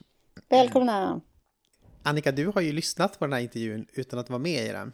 Mm, det har jag gjort. Vad, vad, vad tycker du? Vad tänker du på? Jag har lyssnat med stor behållning. Nej, men ja. Dels så tänker jag så här, eh, vilken otroligt eh, kunnig människa Göran Jansson är och eh, vilken resurs eh, för EFK att eh, ha honom. Så Eh, Eh, men eh, jag tyckte det fanns eh, många intressanta trådar, men en av dem är ju det här med liksom, ja, men kopplingen till kolonialismen. Ehm, och att jag visste faktiskt inte, det har jag säkert läst någon gång förr i tiden, men då har jag glömt det, men det här att det var så pass stor skillnad ändå mellan ja, men som frikyrkorna eller, och de, den protestantiska missionen jämfört med den katolska som var mer som en del av det koloniala projektet. Så. Även mm. om det kanske är lite förenklat. Men eh, det, är... det är väl förenklat så tillvidare att eh, man kan tänka sig att protestantiska missionen när de var statskyrkliga fungerade på samma sätt som en katolsk mission. Just det. Mm. Och kanske om en katolsk mission var på ett ställe där man var mera, eh, inom citattecken, frikyrklig så mm. fungerar man på ett mer protestantiskt sätt då, eller vad man ska säga. Mm. mm. Så det var den brasklappen. Ja, ja. Nej, men det, det förstår jag. Men, men som allt kyrkan gör så blir det bäst om man gör det inte som en del av den större maktapparaten. Mm. Utan eh, med gör sin grej som eh, driven av, ja men att sättet att verka i världen är man driven av på något sätt att föra fram Guds rike. Så. Mm. Men eh, jag kan tänka mig att en del skulle Ja, nej, jag vet inte hur jag ska men en del kanske skulle tycka att Göran och vi är för lite kritiska mot hur missionen har varit. Jag kan tänka mig att en del skulle tycka att eh, man ännu mer behöver lyfta fram den koloniala aspekten och de problematiska sidorna av mission. Men jag tycker att Göran ja, men berättar på ett nyanserat sätt. Eh, så. Och det eh, tycker jag är bra och gott att ta del av. Och även att han pratar nyanserat kring liksom, eh, ja, hur det globala syd... Nu kommer jag in på evangelikalismen. Och då mm. säger han så här att ja, men generellt sett den evangelikala rörelsen i det globala syd är ju inte lika problematisk som den eh, nordamerikanska. Men då säger jag också, men å andra sidan finns det ju delar av det globala syd som har influerats mycket av den nordamerikanska evangelikala rörelsen. Och då börjar jag fundera på, ni, ni tog inte upp det, men i Brasilien till exempel. Just det. Så har ju, nu har de ju för sig valt en eh, vänsterpresident. Så, Lula! Ja, ja, så det var ju någon eh, glad nyhet i allt det här. Men, mm. men annars så har ju, eh, vad ska man säga, evangelikala eller frikyrkliga kristna eh, varit delaktiga och röstat fram deras motsvarighet till Trump som är Bolsonaro. Och då tänker jag att då har man ju inte så mycket, vad ska man säga? Då har Bols man... Bolsonaro, ja, jag kan tänka mig äta människokött, vad är det med det då? Killen? Ja, precis. Mm. eh, Bolsonaro som inte tvekar att prata om, prata om sitt stånd och eh, mm. sådana saker offentligt. Ja. Eh, nej, men, eh, aldrig. Men liksom att precis som, eh, som den kristna högern i USA röstat fram Trump så har kristna i Brasilien röstat fram Bolsonaro. Alltså att det finns liksom eh, väldigt problematiska saker i våra systerkyrkor ute i världen. Mm. Eh, som inte bara är i USA. Som gör ibland att man tycker själv att det är jobbigt att tillhöra frikyr den frikyrkliga eh, rörelsen och eh, den evangelikala strömningen på något sätt. Men eh, ja, nu kanske man samtidigt blir en del av det här problemet som är att man uppmärksammar det som är problematiskt i andra delar av världen och gör det representativt. Men det är liksom också svårt att inte... Ja, det är svårt att låta bli. Mm. Och... Nej, men... Jag, jag har tänkt mycket på det här begreppet med evangelikal. Och det har ju, ni pratar inte så mycket om det kanske, men eh, jag kopplar ihop det med Lausanne-rörelsen och Lausanne-deklarationen. Kom inte den mm. på 70-talet, eller? Jo, jo, ja, absolut. Det, så det är väl i den här tiden ändå mm. som eh, ni pratar om i intervjun. Eh, mm. När eh, man börjar föra in det evangelikala perspektivet i missionsskolan och lite så. Mm. Eh, ja, men i alla fall. Det evangelikala perspektivet som handlar mycket om att respektera Guds ord och samtidigt vara öppen för så att säga bibelvetenskap och tolkningar och reflektion och sådär. Det kändes ju liksom säkert hur ska man säga, lite uppfriskande vid den tiden. Mm. Men i, för en själv så är det mer någonting som man bara tänker, ja men det här är det naturliga, normala förhållningssättet till Bibeln. Ja, liksom. ja. Um, Och det gör kanske också att man inte är lika mån om att så här, ja, vi måste ha, ha det här begreppet för att eh, veta vad det är vi pratar om, liksom. Eh, så.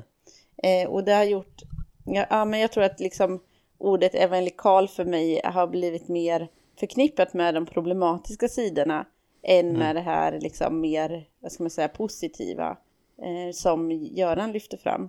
Vad har du för Ja. relation till begreppet? Uh, alltså man kan säga så här att jag tror att evangelikal har ju ett problem i det att det är ju som ett sorts paraplybegrepp.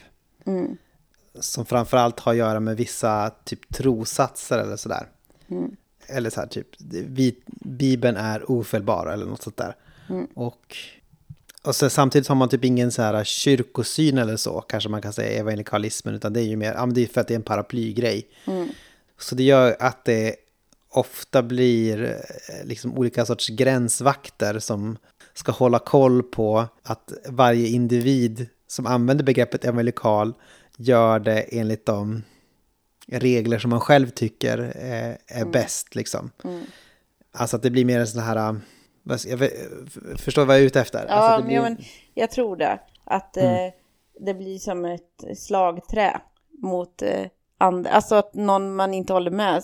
Som typ, eh, du borde inte kunna tycka så här om du tillhör en evangelikal kyrka eller eh, typ så eller? Mm. Ja, också att den är mer individualistisk så att den blir lite mer så här kontrollera re, len- renlärigheten hos individer istället för att liksom hur ska vi eh, forma församlingar tillsammans? Hur ska vi forma liksom lärjungagemenskaper tillsammans? Utan det blir mera, det, blir, det tenderar att bli lite mer individualistisk eftersom det är så här paraplybegrepp som saknar egentligen en, en fungerande kyrkotanke liksom. Det blir mer, har du den rätta tron i så fall? Eller Precis. Så, mm. Och så blir det vissa gatekeepers som får upp, uppdraget att eh, säga farväl Rob Bell eller Ja, eh, nu tycker jag att du har passerat en gräns missionsskolan eller vad det nu kan vara liksom. Ja, så det. att det blir mer en sån, att det blir mer en sån grej. Mm. Så det kan jag tänka, det är väl det som är problematiskt med evangelikal. Men sen så, eh, jag tänker, jag, må, jag antar att jag är evangelikal eftersom jag är med i en evangelikal eh, kyrka. så då är jag väl det. Ja, precis. Ja, så då får jag väl ar- arbeta utifrån det. Ja. Som begreppet, Mm. typ. Sen är ju... Ja, men Bibeln är ju väldigt viktig för mig och sådär. Ja, Så, så kan, kan jag ju inte komma ifrån. nej precis. Nej men, och det är den ju för mig också. Och Mm. eh, jag tänker ju liksom, håller ju med om, om en Bibeln som Guds ord och sådär. Men sen ibland så kan jag tycka att det blir så här, ja men det är svårt med vissa formuleringar kring, ja men Bibelns ofelbarhet som jag tycker kan göra att man liksom eh, då tänker att ja, men då måste det bli en given tolkning när det gäller typ homosexualitet eller något sånt där. Och då, då är man ju tillbaka egentligen på det mer fundamentalistiska spåret som ju enligt Göran Jansson så var ju det här en uppgörelse med. Så, mm. Ja, det är lätt hänt att man glider tillbaka i det fundamentalistiska Mm. lägret på olika sätt. Ja. Det håller jag, håller jag med om. Mm. Det tenderar att hända lite nu och då. Evangelikal har blivit ett sånt eh, behändigt begrepp som låter mycket bättre än många andra saker. Som till exempel bibeltroende Eller eller, fundamental, eller bokstavstroende eller fundamentalist så låter evangelikal mycket bättre. Och därför har väl många också liksom Som egentligen Sök- är bokstavstroende som kallar sig själva evangelikal. Ja, precis. Det har blivit lite så. Och Mm. att eh, i USA kan, känns det också som att den har blivit liksom lite kidnappad. Alltså det finns en väldigt svag distinktion gentemot Mm. eh, fundamentalismen ibland. Och Mm. alltså man kan vara väldigt noga med att hålla gränsen mot eh, allting som ens har en liten, liten, liten doft av eh, citattecken liberalism. Mm. Men man är, väldigt, eh, man är väldigt dålig på att hålla huset rent mot någon form av fundamentalism ibland. Ja, just det. Och då är ju inte begreppet så användbart, tänker jag. Nej. Om man inte lyckas med det. Mm. Han har en otroligt fast blick, gör han. Mm. Jättefast blick. Så vi brukade alltid skämta när jag gick på missionsskolan att han kunde liksom stirra ner en, en, ett liksom, en skog eh, med bara sin fasta, fasta blick liksom. Bara mm. fälla alla träd som med sin laserblick. Mm. Eh, så, eh, man känner sig alltid lite så här Eh, man känner sig alltid lite som en skolpojke när man pratar med honom. Ja, men han är skarp också. Jag tänkte ja. på också, vilket han med rätta sa ju om vårt språk eh, när du eh, sa vad IFK gör i, i Centralafrikanska republiken. Och, och då vill han tillrättavisa och säga att vi behöver prata om vad våra partners gör. Eh, vilket, eh, och vad, där IFK kan hjälpa till och stötta på olika sätt. Typ. Eh, men eh, det, jag tänker så här att, ja, jag förstår att man kan känna sig som en skolpojke. man, känner sig, man kan säga att jag blev kolonialism-schooled av, av Göran Jansson. Ja. Att han bara eh, kolonialistägde mig. Ja. Eh, Men det, det är väl liksom bara bra att man behöver få syn på det här om och om igen, typ. Mm. Mm. Verkligen. Mm och så. Att det är ju, det var ju inte bara då som det var lätt att, lätt att ha en kolonial blick på saker, utan det är ju någonting som vi ärver och sådär. Mm. Eh, man kan ju också tänka att bara det att, eh, alltså man kan ju undra hur mycket kolonialismen har tagit slut, om man utgår också lite grann från vad Göran säger här om liksom inbördeskriget mm. i Centralafrikanska republiken och sådär, att det också finns västerländska och eller asiatiska Intressen. maktintressen där. Mm. Men, eh, för det är på det, en velikalism också så här, alltså att han pra, de pratar om att man ska ha, tänka mer på kyrkorna i syd och ha dialog med dem.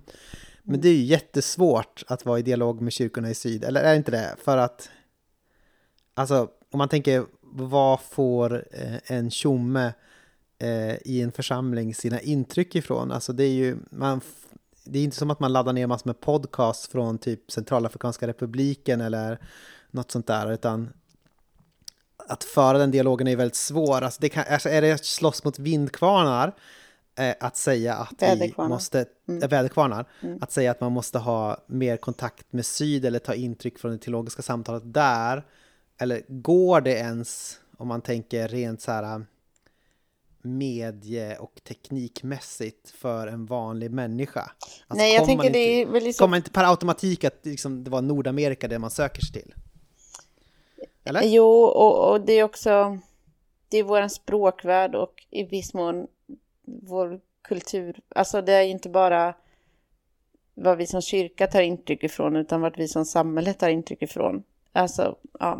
Så det, det, kommer ju vara svårt i praktiken, men jag tänker att det handlar väl kanske om hur man bygger upp nätverk med, ja men typ pastorer och sådär och vilka man bjuder in och sånt. Men eh, det är nog så, svårt att hoppas på att typ du och jag och eh, vanliga församlingsmedlemmar ska liksom börja läsa massa böcker som skrivs i, ja, eh, i olika länder i Afrika eller ja men liksom eh, man vet inte ens vart man ska börja typ.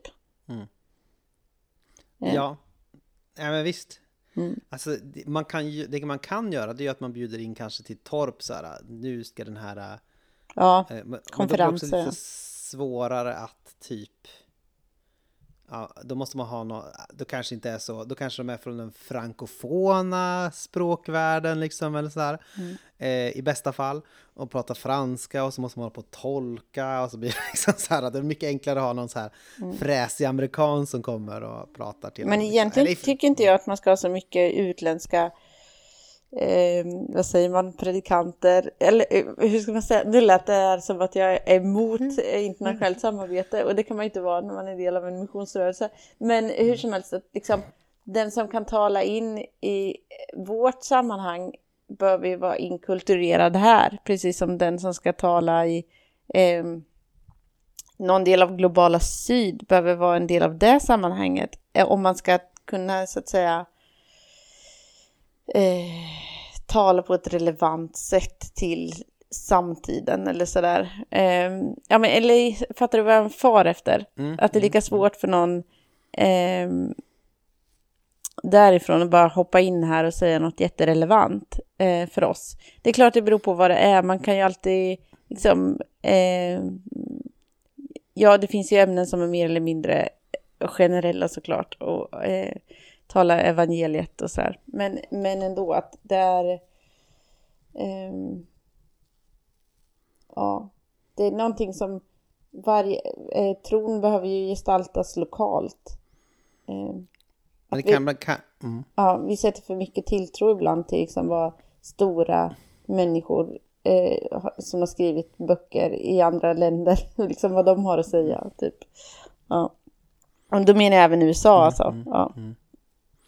Ja, men, ibland kan, men ibland kan det vara så att om någon kommer utifrån så kan de säga någonting som är eftersom de pratar på ett annat sätt och inte har samma liksom, finkänslighet kring vissa frågor så kan det väl också skapa en viss, eh, vad ska man säga, eh, chock som kan vara nödvändig också ibland Ja, det kan man sant. tänka. det är sant. Man har utifrån blicken som kan vara eh, klargörande eller sådär. Så att, avslöjande och sådär för en.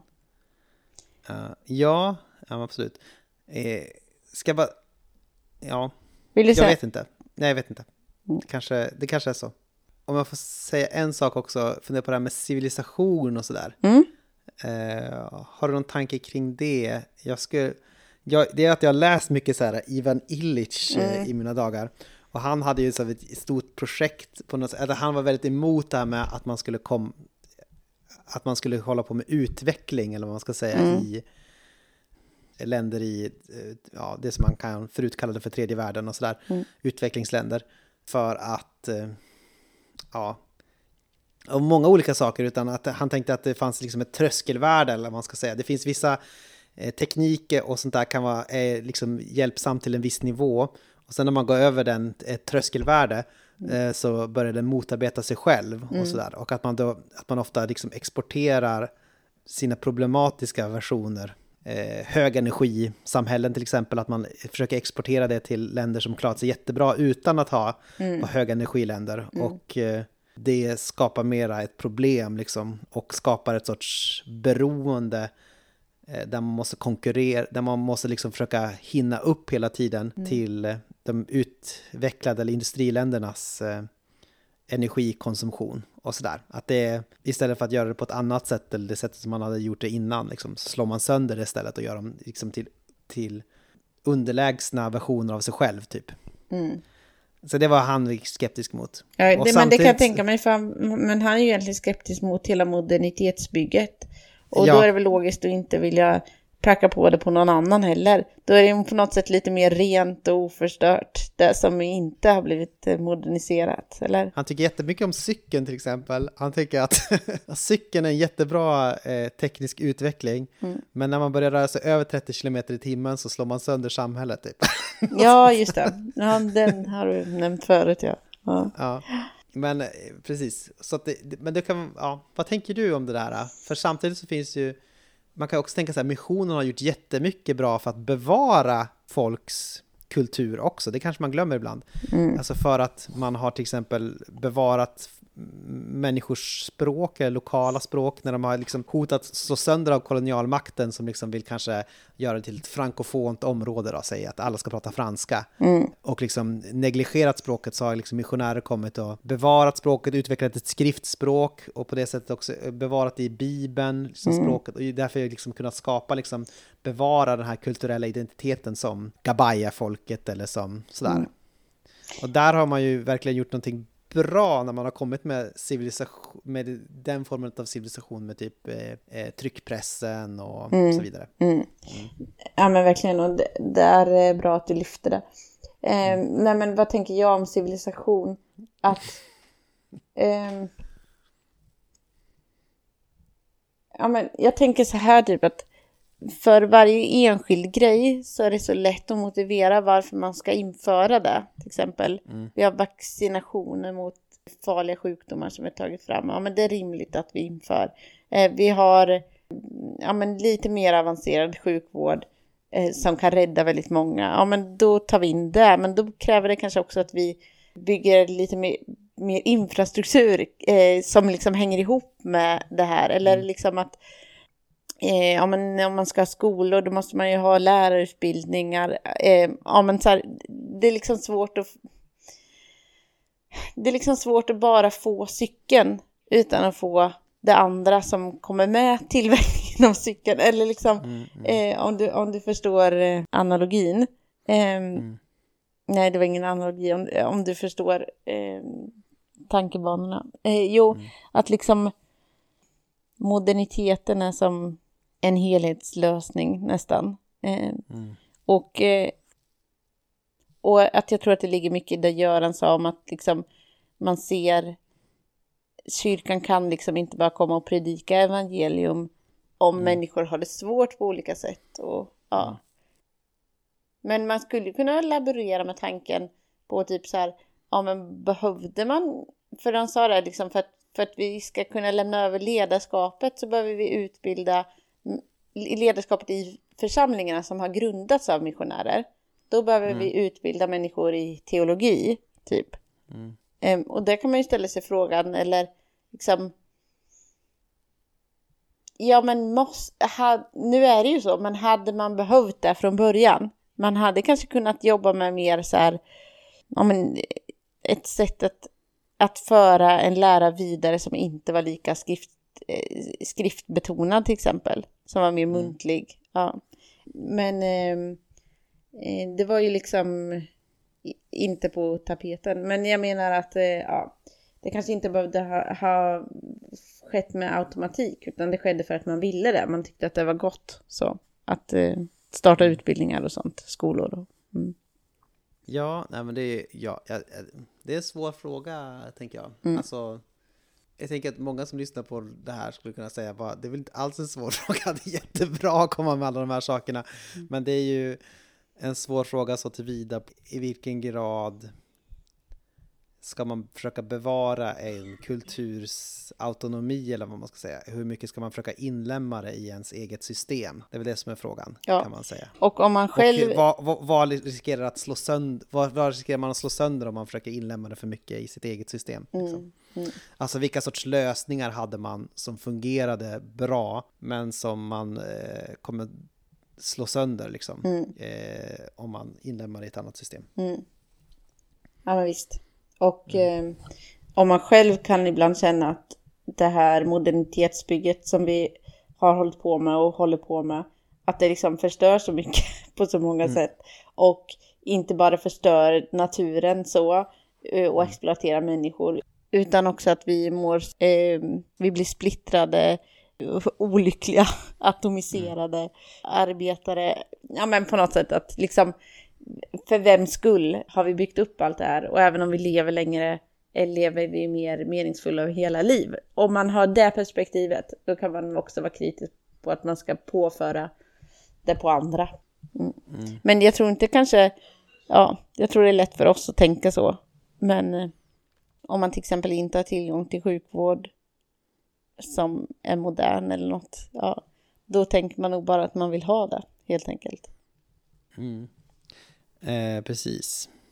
Det är ju en eh, välsignelse och en förbannelse som är inbakade i varandra på något sätt. Ja, man kan inte få det ena utan att få det andra. Och det är som du säger, det, det blir, tenderar att bli en helhetslösning till slut. Mm. Alltså visst, man skulle ju... Det var ju eh, Illich mycket inne på det, att man skulle kunna tänka sig att man... Att han, när han skrev på 70-talet så här att nu har eh, utvecklingsländerna eh, står inför möjligheten att liksom bestämma sig för att den här nivån räcker och nu arbetar vi utifrån den här liksom. Mm. Men eh, frågan är om den möjligheten finns något mer liksom. Alltså att Mm. Så. Ja, det är kanske lite, för, lite förlorad tid. Och sen vet jag inte alltid om hans praktiska lösningar skulle funkat så himla bra heller, så det är väl andra saker. ja, det är svårt att säga. Ja. Men jag vet inte om det vi har nu heller fungerar så himla bra egentligen, på många sätt. Nej. Men det var det. Jag, jag undrar om vi ska börja avrunda. Tack alla som har lyssnat. Mm. Ni som varit med oss och eh, inlett det åttonde året med oss. Frid och blod och eld. Kär blod och eld. Hej då.